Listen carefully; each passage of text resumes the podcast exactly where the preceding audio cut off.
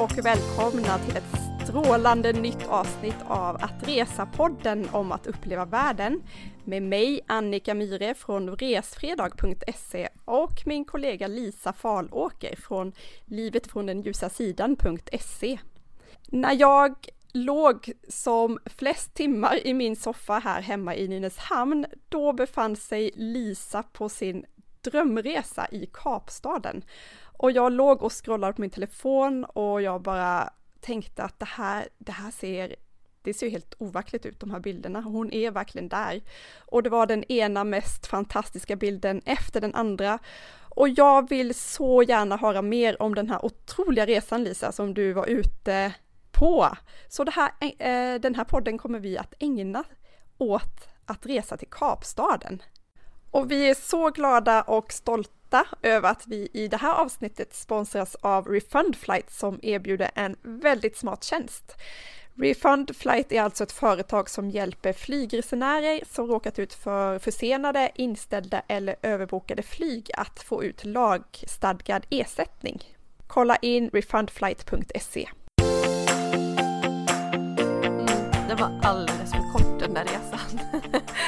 Det är min första tanke. Vi var borta i eh, åtta dygn ungefär, jag och en kompis. Eh, och det räcker inte. Jag vill typ flytta dit så jag kan hänga i Kapstaden på alla de här härliga ställena som fanns där. För det är en stad som förtjänar att man, att man landar och att man bara njuter in staden också. Även om mycket kretsar kring mycket annat som gör att destinationen är sådär jättejättekänd. Alltså vet, äventyr, shopping, natur, vingårdar, sol, eh, vackert god mat, ja du vet, det finns eh, så himla himla mycket men jag tycker Kapstaden som stad förtjänar också att man bara tar det lugnt och bara är där.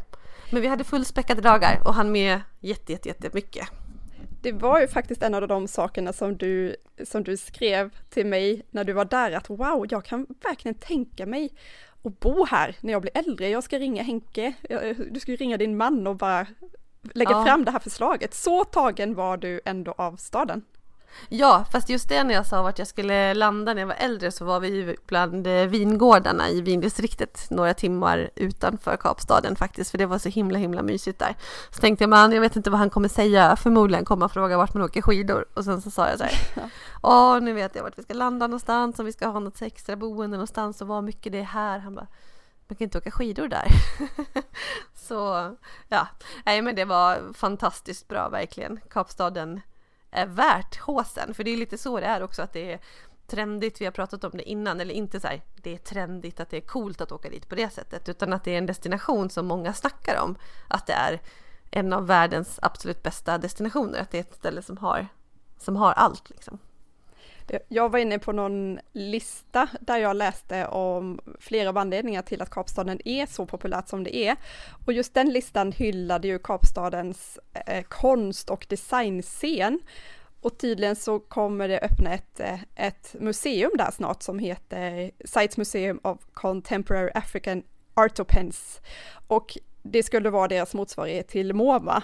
Och jag skrattade lite när jag läste det här, för jag vet ju att du inte är en riktig sån kulturtant. Nej.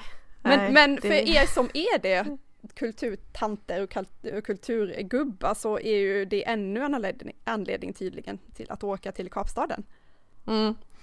Ja, men det fanns ju vissa områden som vi hängde i som hade mycket liksom konst och konstnärer där det bubblade lite det här under ytan med den här kreativiteten och det och som var jättehäftigt. Bland annat ett område som heter Woodstock som är jättekult som ligger i ja, en, lite i utkanten av stan kan man nästan säga.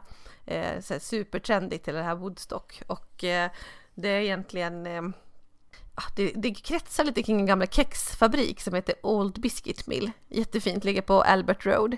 Och eh, där var det några som drog igång lite så här eh, att de skulle ha massa organiskt odlade grönsaker och hembakat och, och sådär. Så det började liksom som någon form av marknad tror jag. Och sen fick de här killarna chansen att köpa hela det här gamla fabriksområdet och så gjorde de det.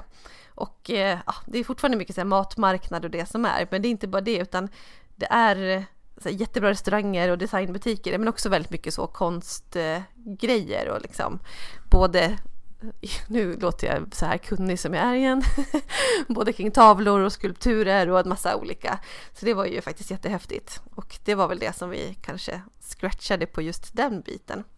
Men om vi tar det från början, eh, för att du du åkte ju faktiskt direkt från vår livepodd i Kista, tog dig till Arlanda och flög sedan mot Kapstaden.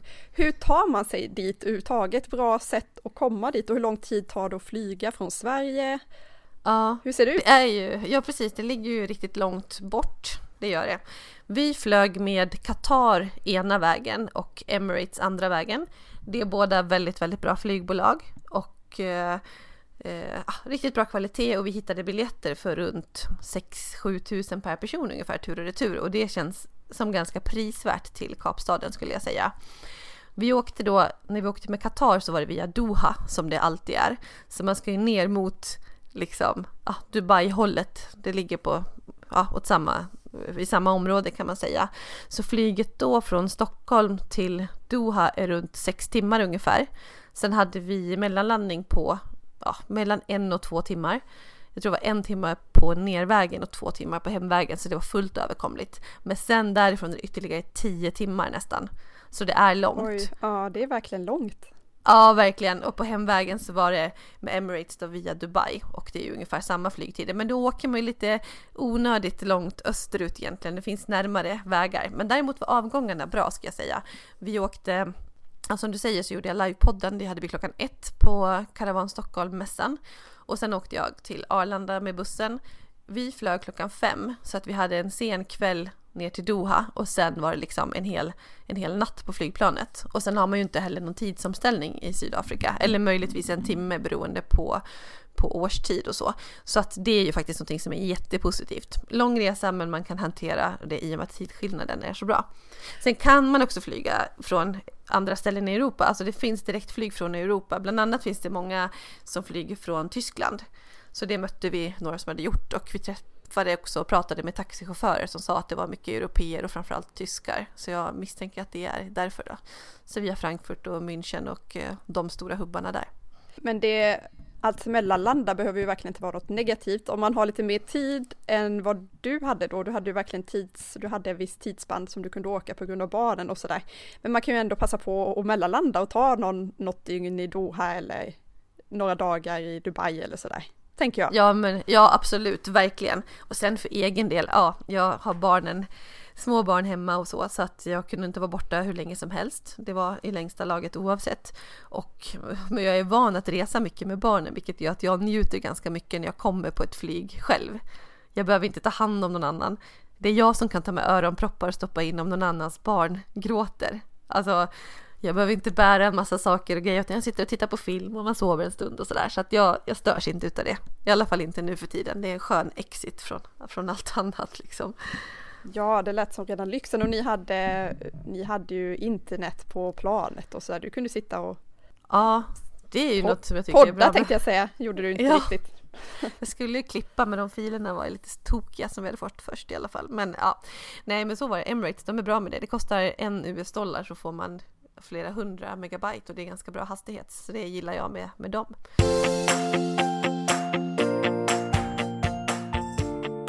Ja Lisa och eh, i det här avsnittet så sponsras vi som sagt av Refund Flight som vi pratade om i början av, av eh, poddavsnittet.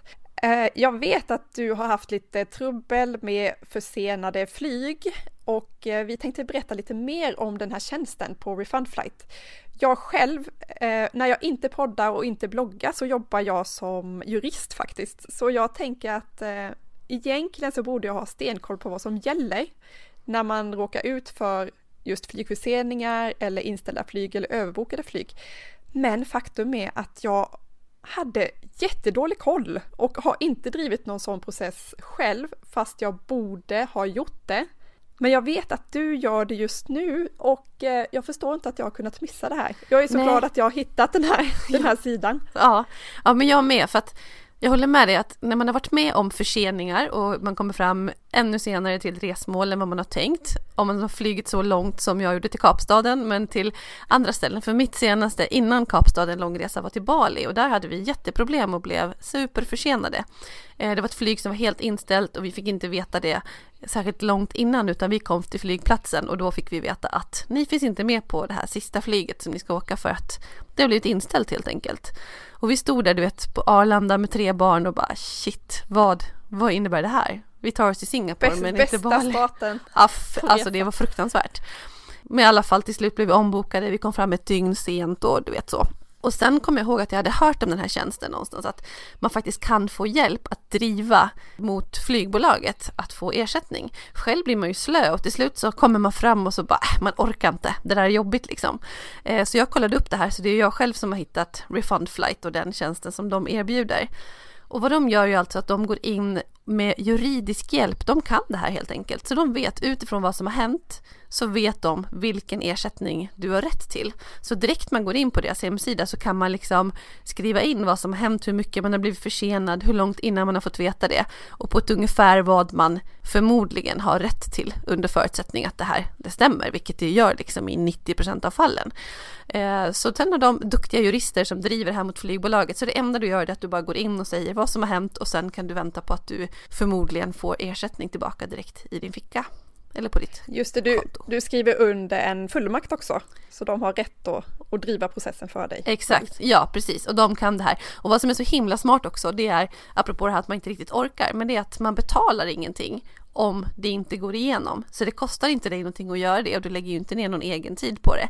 Men om du får ersättning så tar de 25% Men det är ju en otrolig win-win för de är ju på konsumenternas sida och hjälper ju dig att processa så att du får precis så mycket som du har rätt till. Du skulle aldrig, eller jag skulle inte, jag, jag har aldrig claimat någonting mot ett flygbolag och fått tillbaka så för mig är det här enbart superwin. Liksom. Ja, nej men jag älskar det här initiativet. Jag är så glad att jag eh, fick höra talas om det och vi är som sagt så himla glada att eh, Refund Flight faktiskt vill synas med oss i Att Resa-podden. Ja, vi står bakom deras idé till 100% och nu hoppas jag att det går bra för mig med mitt claimande i den försening jag hade. Men till Kapstaden hade jag inte det så att... eh, Nej, nej vi kör vidare, Kapstaden. ja, En annan grej som, som jag tycker är positivt då, som du berättade om, det är prisläget. Det är definitivt billigare i, i, i Sydafrika än vad det är i Sverige. Om vi brukar prata om Forex semesterindex, där Sverige ligger på 100 kronor och motsvarande grejer eller saker man gör i eh, där nere ligger på 81. Ja, och där tror jag att det har legat mycket lägre tidigare i de här indexarna. Jag vill minnas det. Så jag blev lite förvånad inför det här när jag kollade upp det prisindexet eh, och såg att det låg på 81 för 2017.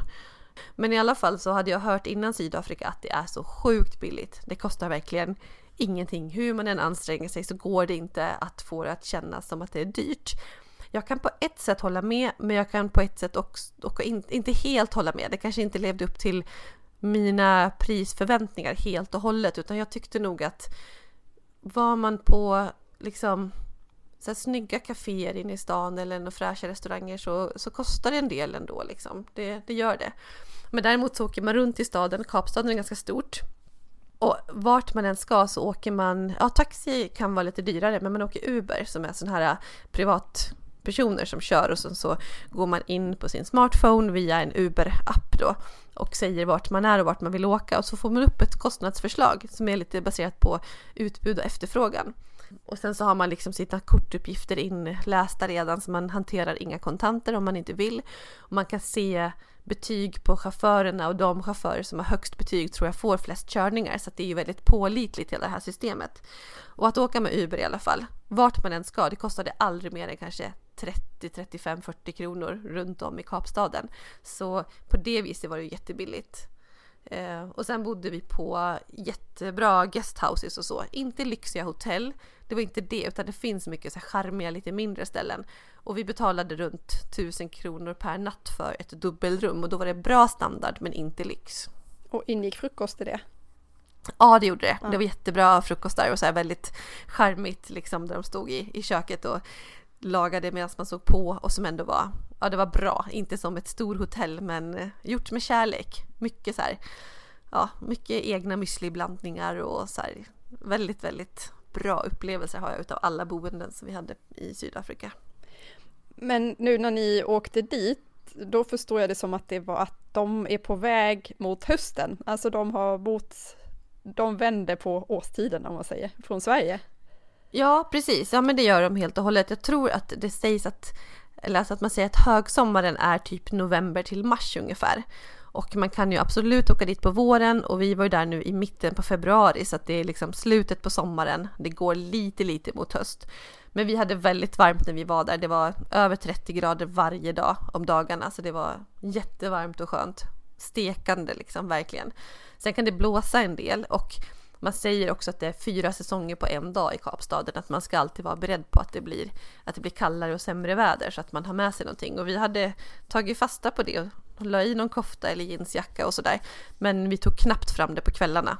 Eh, fast det blir, ja, det blir ner mot 18 grader kanske på natten så, så att det är ju som en varm svensk sommarnatt upplevde vi. Men jag tror att vi hade ja, lite varmare än vad som är normalt då. Men jag tänker om, om jag åker dit på den här tiden av året från Sverige, då vill ju jag ha någon dag i alla fall där jag kan bara ligga på stranden. Är det så? Jag har förstått att jag ser ju på bilderna att stränderna är helt fantastiska, men jag såg kanske inte att ni hängde på stranden och Nej. solade typ. Hur, hur är det? Vad finns det för stränder och hur, hur gör ja, man? vi hade ju absolut inte tid att hänga på stranden, herregud, Kapstaden upptäcker. Nej, jag skämtar. Eh, jag tycker kanske inte att Sydafrika är sol och baddestinationen så, men ja, det finns fantastiska stränder och inne i Kapstaden så har du flera eh, små, eller flera stränder som är så otroligt fina. Eh, Camps Bay är en av de mest kända som är lyxig bukt med eh, jätte, jätte, jättefin strand verkligen och så små kolonialbyggnader. Det har ju sin historia där. Ja, det kändes som Miami Beach skulle jag säga. Och den är otroligt fin och sen är eh, folk är där och surfar och så också. Och Clifton Beach, en annan väldigt känd och populär strand. Det som är det är att det är väldigt kallt i vattnet. Så det blir sällan mer än kanske 14 grader någonstans så att man badar inte. Det är sällan. Men absolut att man hänger på stranden. Men när vi var där den dagen, eller förmiddagen som vi tänkte att vi skulle ta oss tiden och bara ta det lugnt och hänga på stranden, då var det så otroligt blåsigt. Så det var inget alternativ. Det var liksom sanden piskade och så. Eh, men det var ändå folk som gjorde det. Men då låg de nog mer inne liksom bland träden lite grann mellan de olika bukterna som var där för att få lite mer vindstilla just den dagen då. Men jo, men man hänger på stranden, men det är inte, inte riktigt badväder så, eller badvatten. Men om man inte hänger på stranden, vad gör man? Hur, ser, hur såg dagarna i, i Kapstaden ut? Berätta! Ja, eh, det, är lite svårt att man ska börja någonstans. Det finns ju så mycket att se där. För det första så, arkitekturen är jättehärlig. Det är väldigt mycket blandning utav gammalt och nytt. Det är ju mycket kolonial stil förstås eftersom att eh, Sydafrika har varit eh, koloniserat under väldigt lång tid. Från, så, eh, så det är väl det som är slående. Sen finns det många olika stadsdelar som är härliga bara att vara i och som är jätte, jättefina. Bland annat så Waterfront, jättekänt. Det är eh, den gamla hamnen, liksom hamnområdet, det har anor jättelångt tillbaka i tiden. Alltså slutet på, eller mitten på 1800-talet tror jag. Sen har man byggt om det från egentligen början på 90-talet så att nu är det jag tror att det, är, det ses som en av landets mesta turistattraktioner och det är ju ganska turistigt också. Men det är en vacker hamn, vackert område med jättemycket affärer, så här shoppingen, det är där man, man shoppar mycket, liksom stora gallerior och så. Jättemycket kaféer och restauranger, eh, massa båtavgångar som går mot andra öar runt omkring. Du har eh, stort Pariserhjul och det är eh, personer som står och sjunger och uppträder längs med eh, små gatorna där och det är ja, matmarknad och shower och mycket folkmiller. Jätte, jättefint så att eh, Waterfront där kan man absolut hänga. Charmigt men turistigt liksom. Men, men jag tänker, är det typ som Fisherman's Wharf i San Francisco eller hur kan man jämföra typen av område? Jag har inte varit där men eh, det låter spontant som att ja, säkert. Eh, jag funderar på om jag kommer på någon annan så spontan jämförelse. Men det, nej, men det är ju en hamn och sen så har man fräschat upp den och byggt upp den och mycket liksom restauranger och så som ligger längs med vattnet och sen sprider sig flera, flera kvarter in helt enkelt. Men det känns ändå någonstans genuint, inte bara uppbyggt för turisterna utan det... Ja, nej men alltså det är ju det är ett schysst område att hänga som är uppfräschat och som är tryggt också. Tryggt och safe att hänga och där det händer mycket. Där man gärna kan gå och käka liksom middagar om kvällarna och hitta olika restauranger varje kväll och alla utav bra kvalitet och så. En av de grejerna som jag såg just med eh, vilka områden man ska hänga i, som jag skulle verkligen vilja se, det är de här häftiga husen. Alltså jag har sett en massa bilder på superstarka färger, en massa hus. Jag tror Bokap heter området. Ja men precis, det var faktiskt en kåkstad tidigare vad jag har förstått. Men nu är det så här multikulturellt område och just de här husen är ju så här jätte, jätte färgstarka. Det är knallturkost, knallgult, knallrosa. Och eh, det finns en del historik i det där också. Och eh, vad jag har förstått så, så målar de om de här husen kanske var tredje år för att de ska hålla sig fräscha och fina. Och då väljer de färgerna och nyanser som matchar. Liksom, så grannarna de pratar om det där, vilka färger som det ska vara och så ja, ser man till att det blir verkligen så här fina nyanser som matchar bra ihop och så. Det är ja, jätteintressant. Jag, jag tänker att jag kanske ska föreslå det i vårt lilla, vår lilla samfällighet här i Nynäs. Kör ja. ja. Ni förstår ju, turisterna skulle bara flockas dit. För lite så är det faktiskt att det är ganska mycket turister som åker dit för att titta på de här husen i Bokapp och bara fota. Men det är också mycket historia som berättas där. Så att ja, det är jättefint. Det är klart man ska vara där och gå och titta på husen framför allt. Eh, men annars ett område som har mycket restauranger och, och som är härligt och som egentligen är den mest eh, kända tror jag, restauranggatan. Det är Kloof Street som går sen över i Long Street. Och i närheten av det ligger en marknad som heter Green Market som är jättepopulär på helgerna med eh, att de har allt möjligt från, från matgrejer till eh, massa träsnideri till att sälja kläder som någon har gjort och sådär. Så att det där bubblar utav liv och är jättehärligt. Eh, men sen så har man haft mycket alltså runt Clove Street, så även om det är supermycket folk där och det är helt tryggt och fint att gå så, så ska man liksom inte riktigt på kvällen gå eh, bakgatorna och sådär för att det är rånrisk och så. Och det är någonting som är eh, lite talande för, för Kapstaden, framförallt ryktesmässigt.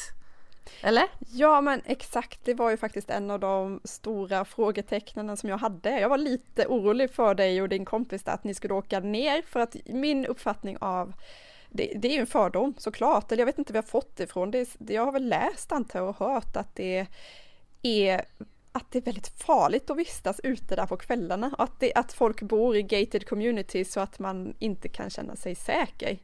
Men mm. hur är det? Alltså hur, hur ser det ut? Och är det verkligen, alltså även om om det skulle vara så och man upplever det som något, alltså det är helt okej att vara på dagarna och ens veta att det försiggår massa konstiga saker på nätterna, att man inte kan känna sig säker. Vill man vara på ett sånt ställe?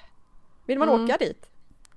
Det där hade jag känt lite innan att det kändes lite olustigt och en av anledningarna till att jag inte har känt att Kapstaden känns så attraktivt att åka med barnen.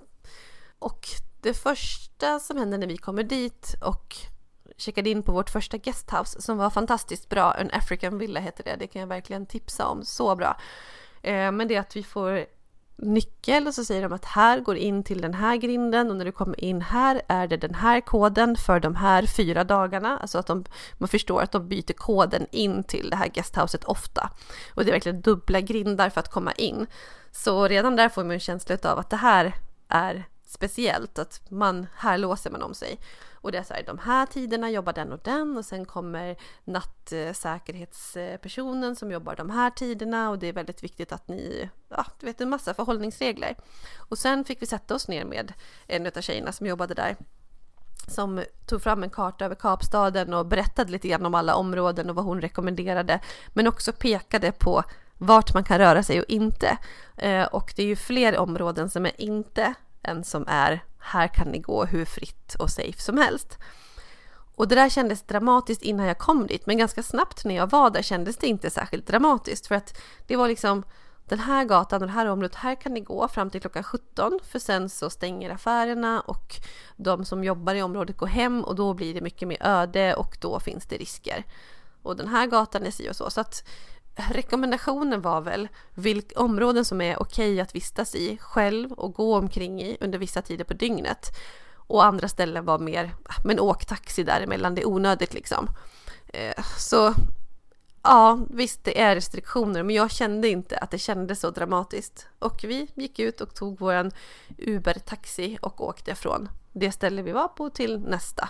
Och det var inte så att det kändes läskigt att åka längs med vägarna så, det tycker jag inte. Men visst, det är, det är ju norm att bilarna låses automatiskt liksom så man inte kan öppna dem utifrån när man har satt sig i dem och, och sådana saker. Så att på ett sätt kanske jag blev lite så här eh, att, ja, som jag säger, att det kändes inte dramatiskt, men är jag naiv? Hade man råkat ut för ett rån hade man kanske tyckt att det var mycket värre och kände så, men jag går inte på alla gator i Stockholm heller om nätterna. Sen fattar jag att den jämförelsen inte kan göras, men nej, jag blev mycket, mycket lugnare och tryggare än vad jag trodde på förhand. Jag var inte rädd en enda gång någonstans, nej. men jag eh, skulle inte utmana det heller. Liksom. Nej, och det är väl det att man får faktiskt lyssna på vad de säger. Alltså när man kommer dit och bara, eh, om ni förhåller er till de här sakerna som jag säger nu så, så kommer allt vara lugnt, förhoppningsvis. Man behöver, behöver inte utmana ödet då och gå på de gatorna mitt i natten. Nej men precis lite så känner jag och vad gäller personer som bor där, jag följer några på Instagram, några svenskar som bor där och lite sådär så har jag aldrig läst någonting där heller om att de tycker att det känns jobbigt utan det är mer, ja ja, vissa områden där är man och andra områden där, där åker man igenom på sin höjd liksom.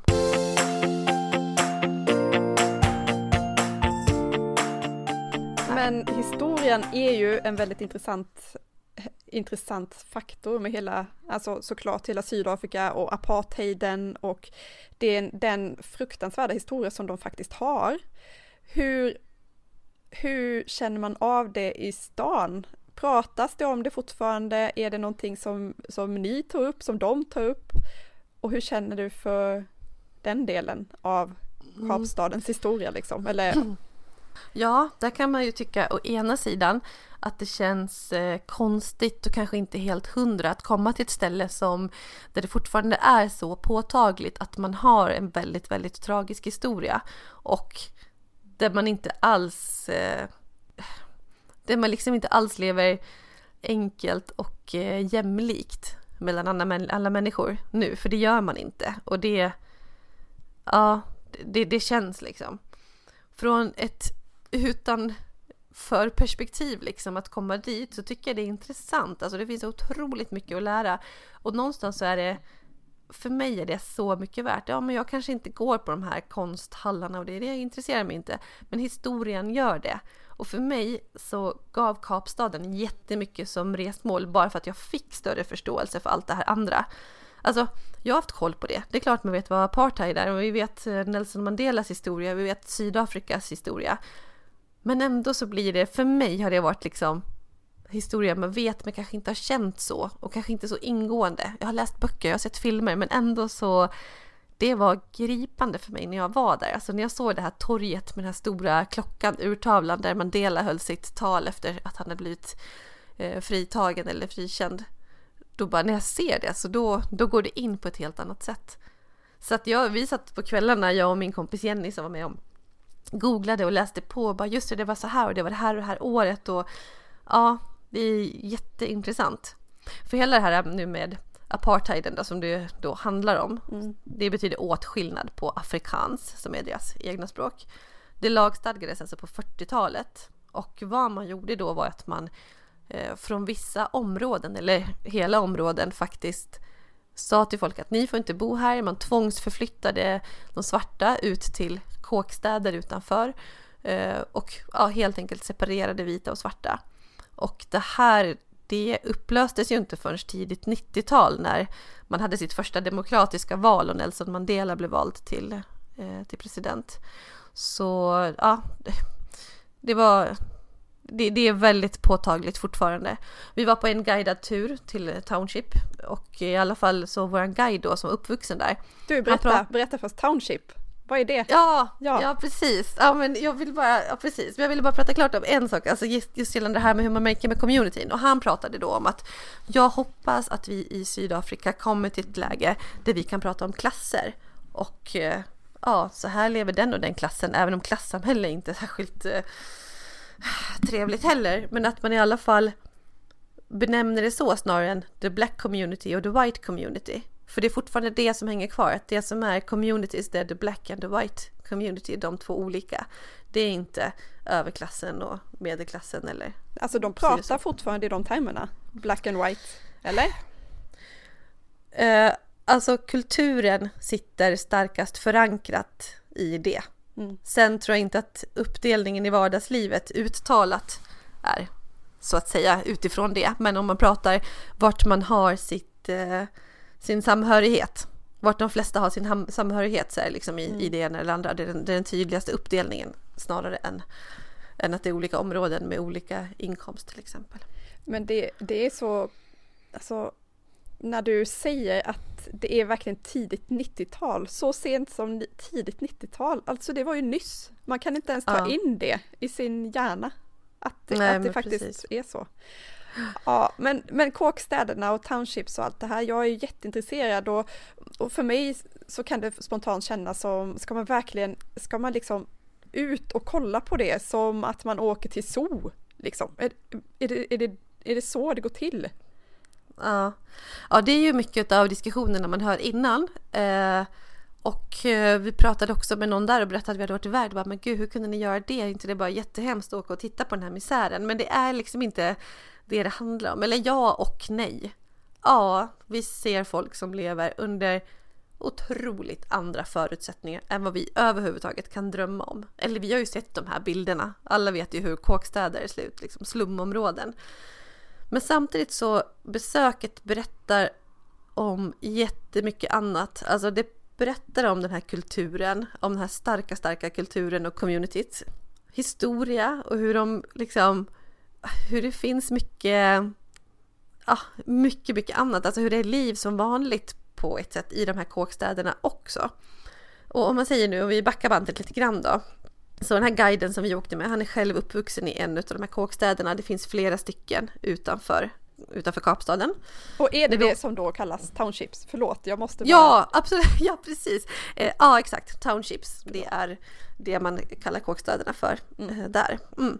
Och i alla fall, vi började i District 6 som är ett kvarter eller område kan man säga i, i Kapstaden, ganska nära city.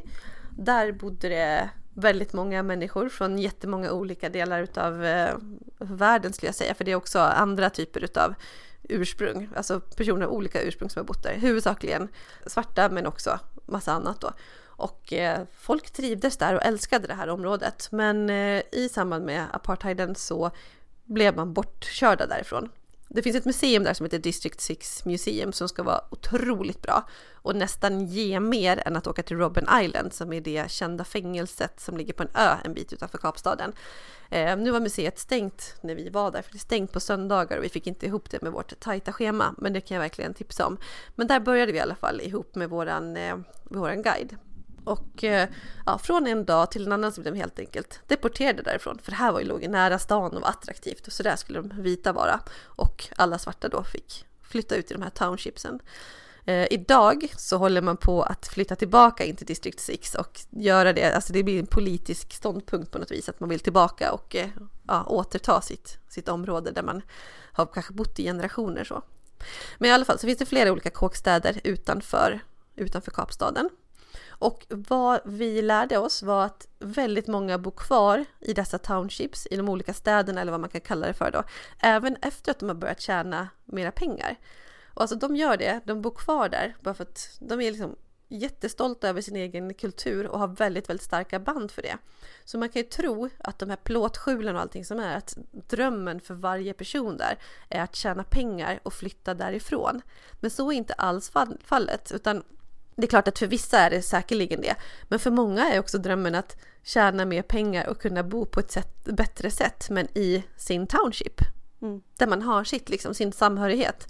Och de här plåtskjulen, vad vår guide sa till oss, att huvudsakligen nära de stora vägarna och det man ser från håll så är de här plåtskjulen. Men att vad som händer är att folk bygger nytt i kåkstäderna. Så bara man kommer lite längre in i dem så ser man att det är liksom betonghus eller brickhouses. Och han kallade dem för Mandela houses. Så att jag tror att det är i samband med någon reform genom Mandela. Jag kommer inte ihåg exakt vad han sa eller om jag inte uppfattade. Du vet hur det kan vara när man, har, man pratar om mycket saker liksom. Så jag ska inte, inte svära på det. Eh, men då är det i alla fall mer ordentliga stenhus helt enkelt. Ganska många har rinnande vatten till precis utanför. I vissa fall så delar man på det. Och de här plåtskjulen, det är fruktansvärt. De står trångt. Det är supervarmt på somrarna. Det är jättekallt på, på vintrarna. Det är hög brandrisk för de står för nära varandra. Ja men det är hemskt. Men vi såg de här plåtskjulen och vi såg också de här brickhouses där då. Men vi såg inte smutsiga barfota barn som sprang på på, på liksom icke-asfalterade vägar utan vi såg liksom ett samhälle. Vi såg, vi var inne på en förskola som låg ihop med en kyrka och det var, ja men här samlas folk, man går i kyrkan. En mörk Jesus-staty hängde där framme. Eh, och vi sjöng med de här barnen och satt och pratade med dem och med lärarna och välklädda fina barn som gick på den här skolan och som hade en liten gård där de var ute sen och lekte och så. Så att alltså, det var en ganska bra bild så. Så att eh, ja, vi, vi såg det också. Vi såg det spira av hopp helt enkelt. Och sen kunde jag fundera på liksom det här med guiden och alltså det är lätt att låta naiv. Det här är så svårt när man inte vet hur mycket som helst. Det berättades mycket och, och så, men det kändes som att vår guide som är uppvuxen där, han var mån om att ge en så himla positiv bild och jag funderar lite på vad det, vad det är. Men jag tror att just det där hoppet som spirar, att det kanske är så att Alltså med kunskap och att de sprider hur det ser ut och vilka förutsättningar som finns så kan också förändringen gå fortare. För förändringen behöver ju liksom ske. Ja ja. Och, och så mötte vi jättemycket fina människor och, som var så kompetenta och stolta över sina jobb, de de har inne i stan, de som de skapar, liksom mycket som har gjort så här små smycken utifrån eh, telefonledningar och du vet, alltså, ja, det finns ju mycket stories. Sen är det klart att det är att det är på gott och ont att det kommer bussar och hämtar upp på morgonen och kör in och sen så jobbar många av människorna som bor där i serviceyrken i stan. För på det viset är det också fortfarande väldigt uppdelat.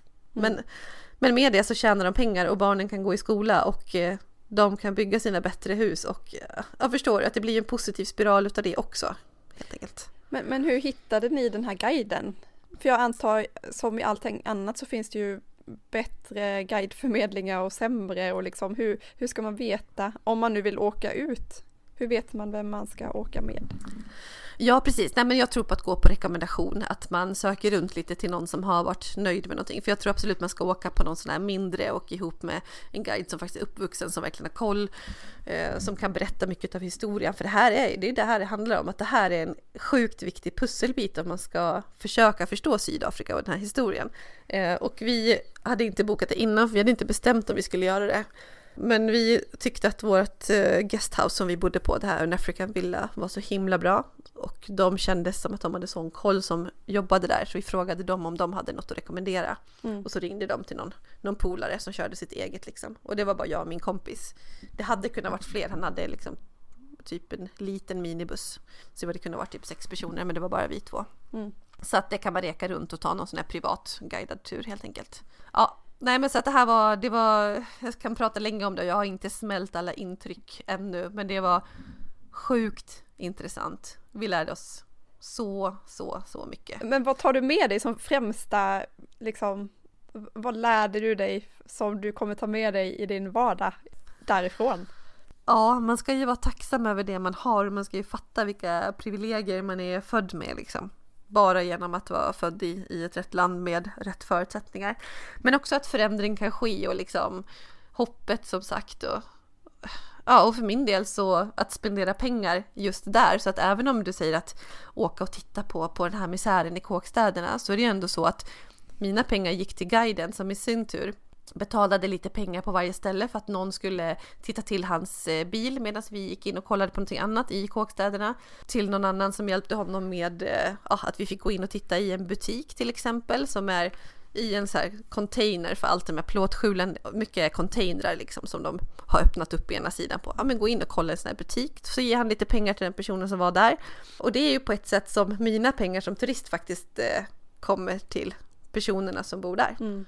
Och vi köpte såklart lite hantverk och sådär där de stod och, och sålde det någonstans. Uppbyggt för turisterna. Men vad fasen, hur skulle de annars få mina pengar? Mm, typ så. Nej men så det tycker jag verkligen är värt att, uh, att åka. Det var sjukt intressant. Sen som sagt som jag sa, District 6 Museum är också, berättar jättemycket om historien och också Robben Island, det är ju en väldigt, väldigt vanlig eh, utflykt som man gör. Att, att den här ön som var ett eh, fängelse och är mest känd för att det var många svarta och, och färgade apartheidmotståndare som satt fängslade där, alltså politiska fångar, som Nelson Mandela då. Och mm. dit går det också massa utflykter så det kan vara väldigt värt att åka till. Ja, och det tycker jag Alltså jag, om man nu ska åka till sådana här ställen med mycket historia, alltså åker man till Berlin, åker man till, som jag pratat om, Amsterdam och verkligen försöka förstå landets historia. Jag tycker att det är en jättestor del av att resa. Ni hade kunnat åka till Kapstaden och lägga er på stranden i en vecka och sen åka hem och inte tänka mer på det. Det kan man göra, för det, det handlar också om att resa, men det finns ju en liten aspekt till kan man ju tycka. Ja, verkligen.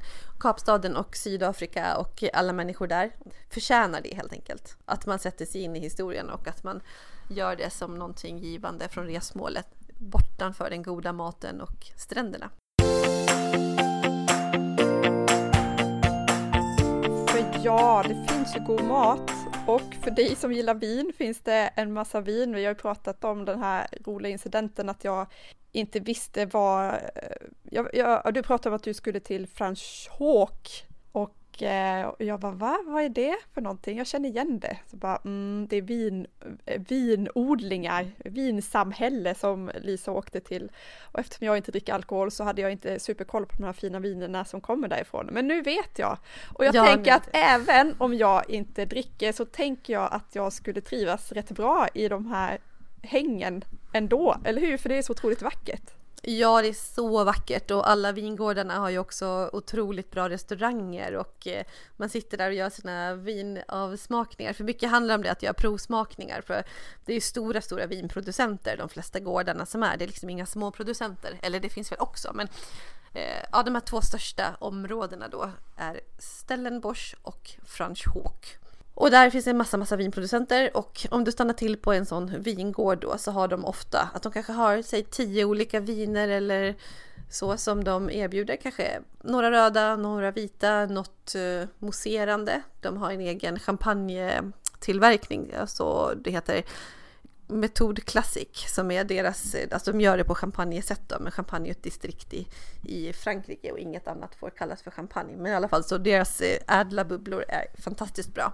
Och så köper man en sån här liten provning där. Kan kosta runt så 40 kronor kanske.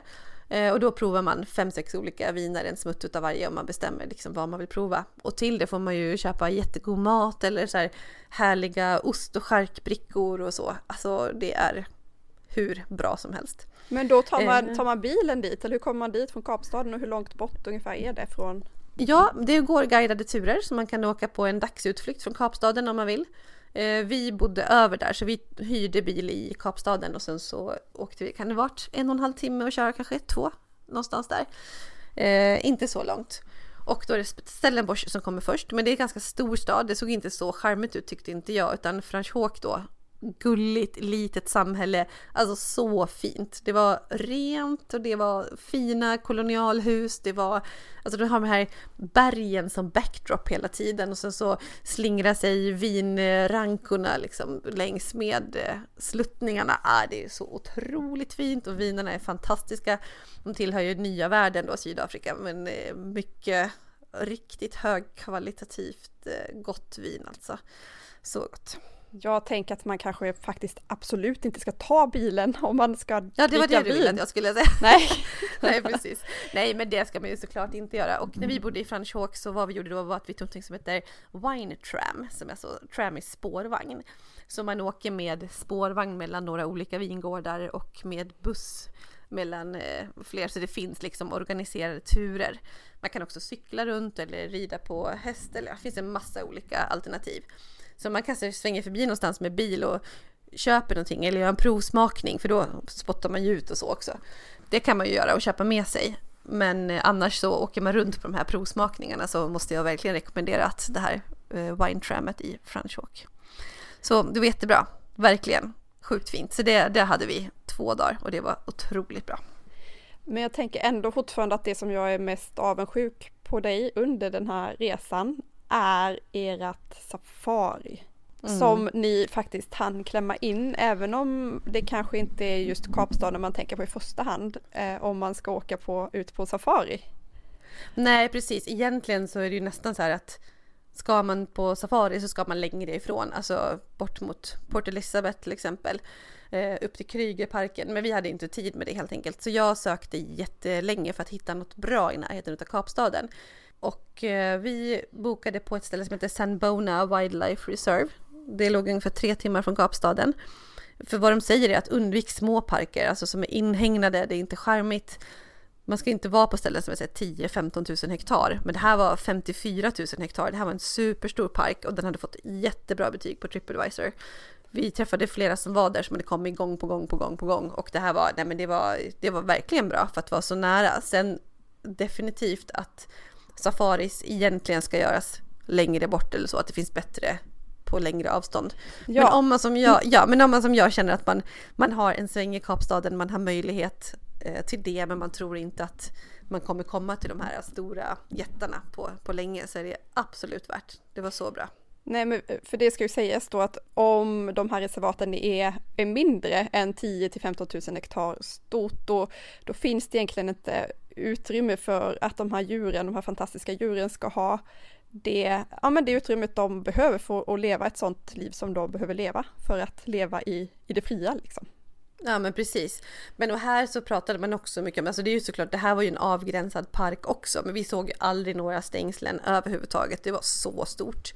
Djuren hade det superbra där och de jobbade också jättehårt för, ja men till exempel med noshörningar är ju utrotningshotade och eh, folk stjäl dem och avlivar dem för att få tag i deras eh, vad det nu heter, betar eller vad säger man för någonting? Horn! Horn heter det! Ja! ja exakt, jag tappade ordet. Sorry. Eh, men i alla fall, för det sägs i delar av världen att de har en massa magiska krafter och du vet sådär så att det behövs ju till utbildning för att folk slutar att mala ner de här och ha i soppor och jäkla påfund, stackars djuren i alla fall. Eh, och då jobbar de jättemycket med det, att ja, vi får inte visa vart de är någonstans för att det kan komma vildjägare, vet sådana saker och att de liksom tar hand om djur också. Ja, men det var i alla fall väldigt bra. Vi såg, vi gjorde två game drives som det heter, ett på sen eftermiddagen eller i solnedgång och ett tidigt tid på morgonen i soluppgång och vi såg vita lejon och vi såg noshörningar och leopard såg vi giraffer, zebror, elefanter, massa olika typer av antiloper och liknande. Vita ja. lejon. Ja, de Va? är så vackra. Ja, jättehäftigt verkligen. Ja, nej men så vi såg eh, supermycket djur och det var väldigt, väldigt bra. Och sen var det ju ett jättefin lodge för att ofta bor man ju så på så här fina lodger med det är pool och det är mat och det är allting. Nej men jag vet att du sa att det här kanske var en av de dyraste dagarna på resande fot. Är det så dyrt? Alltså vad, hur, hur mycket kostar det att göra en sån här grej egentligen? Mm. Vi bodde på en sjukt lyxig lodge, men de hade inte så många alternativ för att i den här stora parken fanns tre olika lodger då, eller typ camps. Och boenden var utav hög klass för att de kan ju inte ta in hur mycket folk som helst och det gör ju att det blir en lyxstämpel på det. Vi betalade 5000 per person. För och, ett dygn. Ja, ett dygn då, okej. Okay. Mm. Mm. Så det var verkligen så här, nu unnar vi oss det här. Eh, jag tror att det kostade från ungefär tre och ett halvt när vi först tittade, men sen så var det, det var högsäsong och det var något boende som var fullbokat och lite sådär. Men eh, det, ja, ungefär så kostar det. Sen finns det ju, alltså det finns ju billigare som sagt också på andra ställen. Men eh, jag tror inte att man kommer ner hur mycket i pris som helst, hur lätt som helst, just av den anledningen att de inte Alltså man kan inte släppa på hur mycket folk som helst i de här miljöerna liksom för att, för att värna om, om djuren och så. Men det är ju naturupplevelsen som är central, alltså det är klart enklare logi, billigare. Det här var ju det lyxigaste och finaste jag typ har varit på någonsin. Det var helt fantastiskt. Men det var kul att kosta på sig det. Så, en Mm. gång. Mm. Ja, men det är väl en sån verkligen sak som många har som högsta dröm och få uppleva någon gång och då är det väl värt Mm. att betala lite extra. Ja, exakt. Men man behöver ju faktiskt inte åka på safari för att se exotiska djur.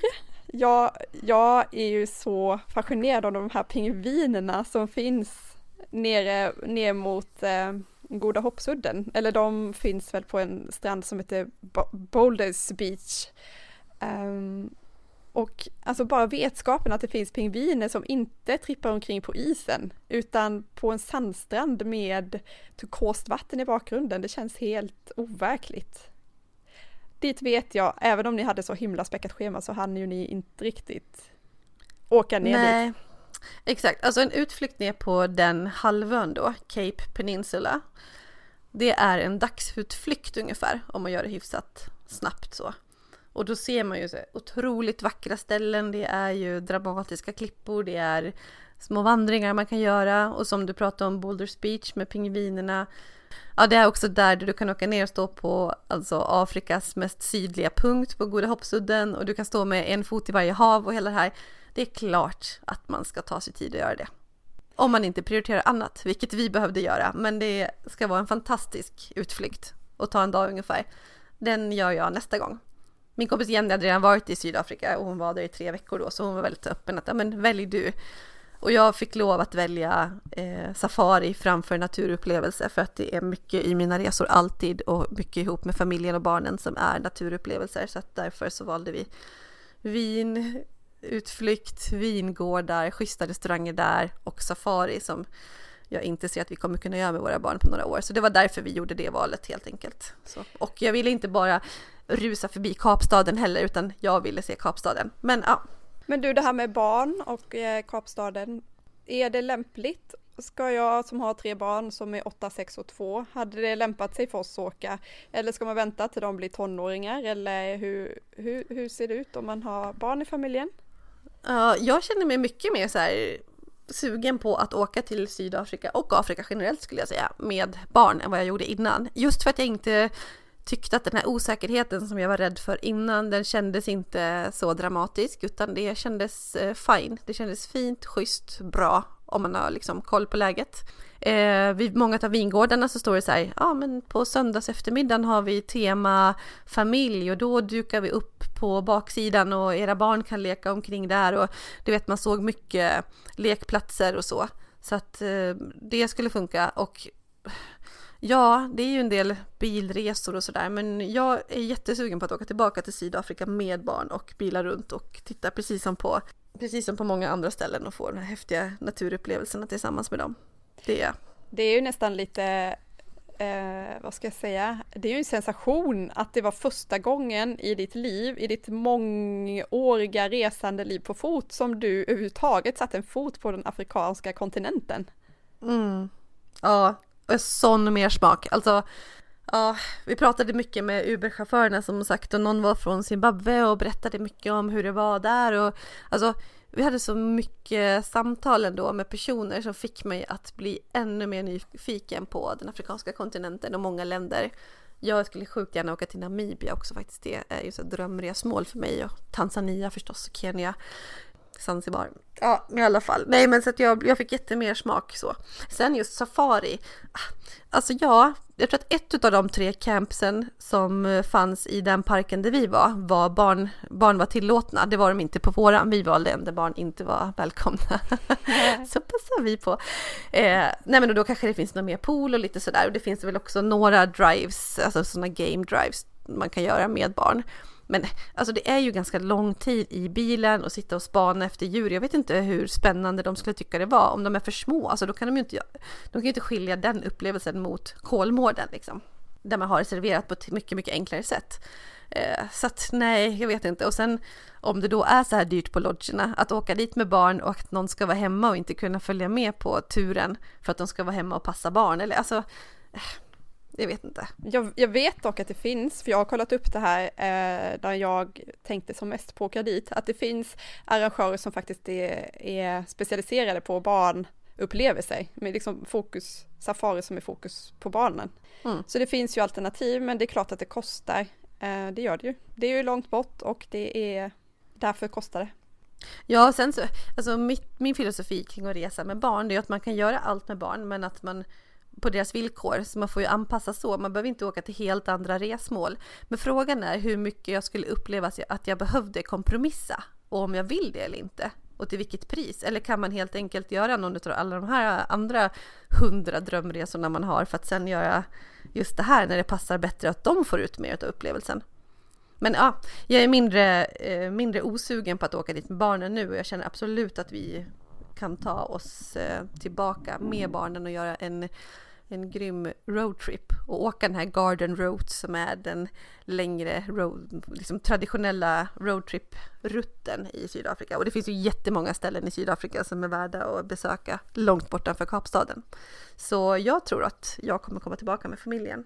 Eh, alltså absolut, inom en, eh, jag vet inte vad jag vågar dra till med.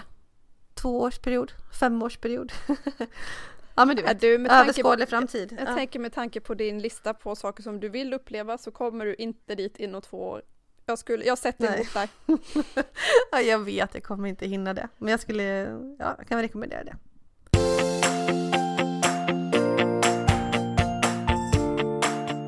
Men du Lisa, nu, nu har vi snackat här i nästan en timme om Kapstaden. Ja. Är det något mer som du vill känna att du måste få ut innan vi knyter, en, eh, knyter ihop säcken?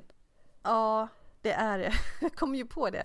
Jag har inte nämnt Kapstadens berg.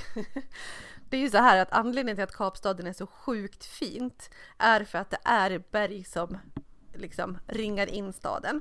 Och du har ju två jättekända berg, framför allt är det Table Mountain, eller Taffelberget, som är ett väldigt karaktäristiskt berg vad gäller det man ser.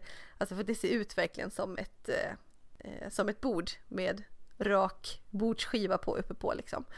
Och eh, Table Mountain, det, där kan man åka upp med linbana och det ska man passa på att göra direkt om man ser att det är fint väder för att det är ofta ganska klart i Kapstaden men om det är minsta lilla moln så samlas de just kring Table Mountain och det kan gå så himla snabbt att det från helt klart blir jättemolnigt och då ser man ju ingenting från toppen. Så ta en linbana så fort man bara kan. Det vi gjorde var att vi hajkade upp på berget. Det finns en massa olika vandringsleder att ta sig upp. Vi tog en av de snabbaste, också en av de tuffaste genom att den går så pass mycket eh, höjdstigning på, på kort tid. Då, så att den hette eh, Track, eller Platteklipp Gorge och tog typ en och en halv timme kanske, men det gick verkligen uppåt varje steg. Den var supertuff men skitkul och grym utsikt hela vägen, så att det kan jag verkligen rekommendera. Och sen åkte vi linbana ner. Eh, men det finns flera olika vandringar, så att det ska man göra. Men ännu roligare vandring var Lions Head. Eh, det finns två andra toppar, Lions Head och Lions Rump, så det är liksom som ett sittande lejon eller liggande eh, som det ser ut som kan man säga. Men just då huvud, huvudet, Lions Head, liksom ganska spetsig topp, där kan man också gå upp och det är en enklare och mycket kortare vandring än den som är upp på Table Mountain. Först är det en väldigt enkel vandring med grusväg som går liksom runt den här väldigt spetsiga toppen. Och det innebär att man kan gå jättelätt, barn kan följa med och man får liksom en 360 graders vy runt Kapstaden. Och det är det är så fint. Du ser liksom allt från de här bukterna med eh, Camps Bay, Clifton Beach till eh, Greenpoint till, eh, ja, nej men det är otroligt vackert. Ja, det, ja, faktiskt precis nu, bara för någon timme sedan, så såg jag, för du hade spelat in ett YouTube-klipp därifrån på vår, på vår YouTube-kanal som heter Att resa. Och jag var inne och kikade och alltså de bilderna, det är ju så himla fint. Ja, det var så fint. Jo, men jag gjorde film därifrån. Jag har gjort film från några andra också, men jag har inte publicerat dem. Men gå in på vår YouTube-kanal, prenumerera. Vi, den är helt nystartad. Vi har ju typ inte alls marknadsfört den. Men eh, den filmen från eh, Lions Head som jag precis har lagt upp är faktiskt, man ser man hur vackert det är. Sen på slutet så blir det mycket tuffare eh, klättring. Eller det finns, man kan ta två vägar där det ena ska vara mycket enklare. Den gjorde inte vi, för vi tycker om när det är lite utmaning. Och den här tuffa, ja men det var så kul. Man fick verkligen gå och klättra upp för stegar och hålla i sig i eh, små handtag i klippväggen och eh, det sluttade brant längs med sidorna. Det skulle jag inte göra med barn, i alla fall inte under typ 11-12 kanske.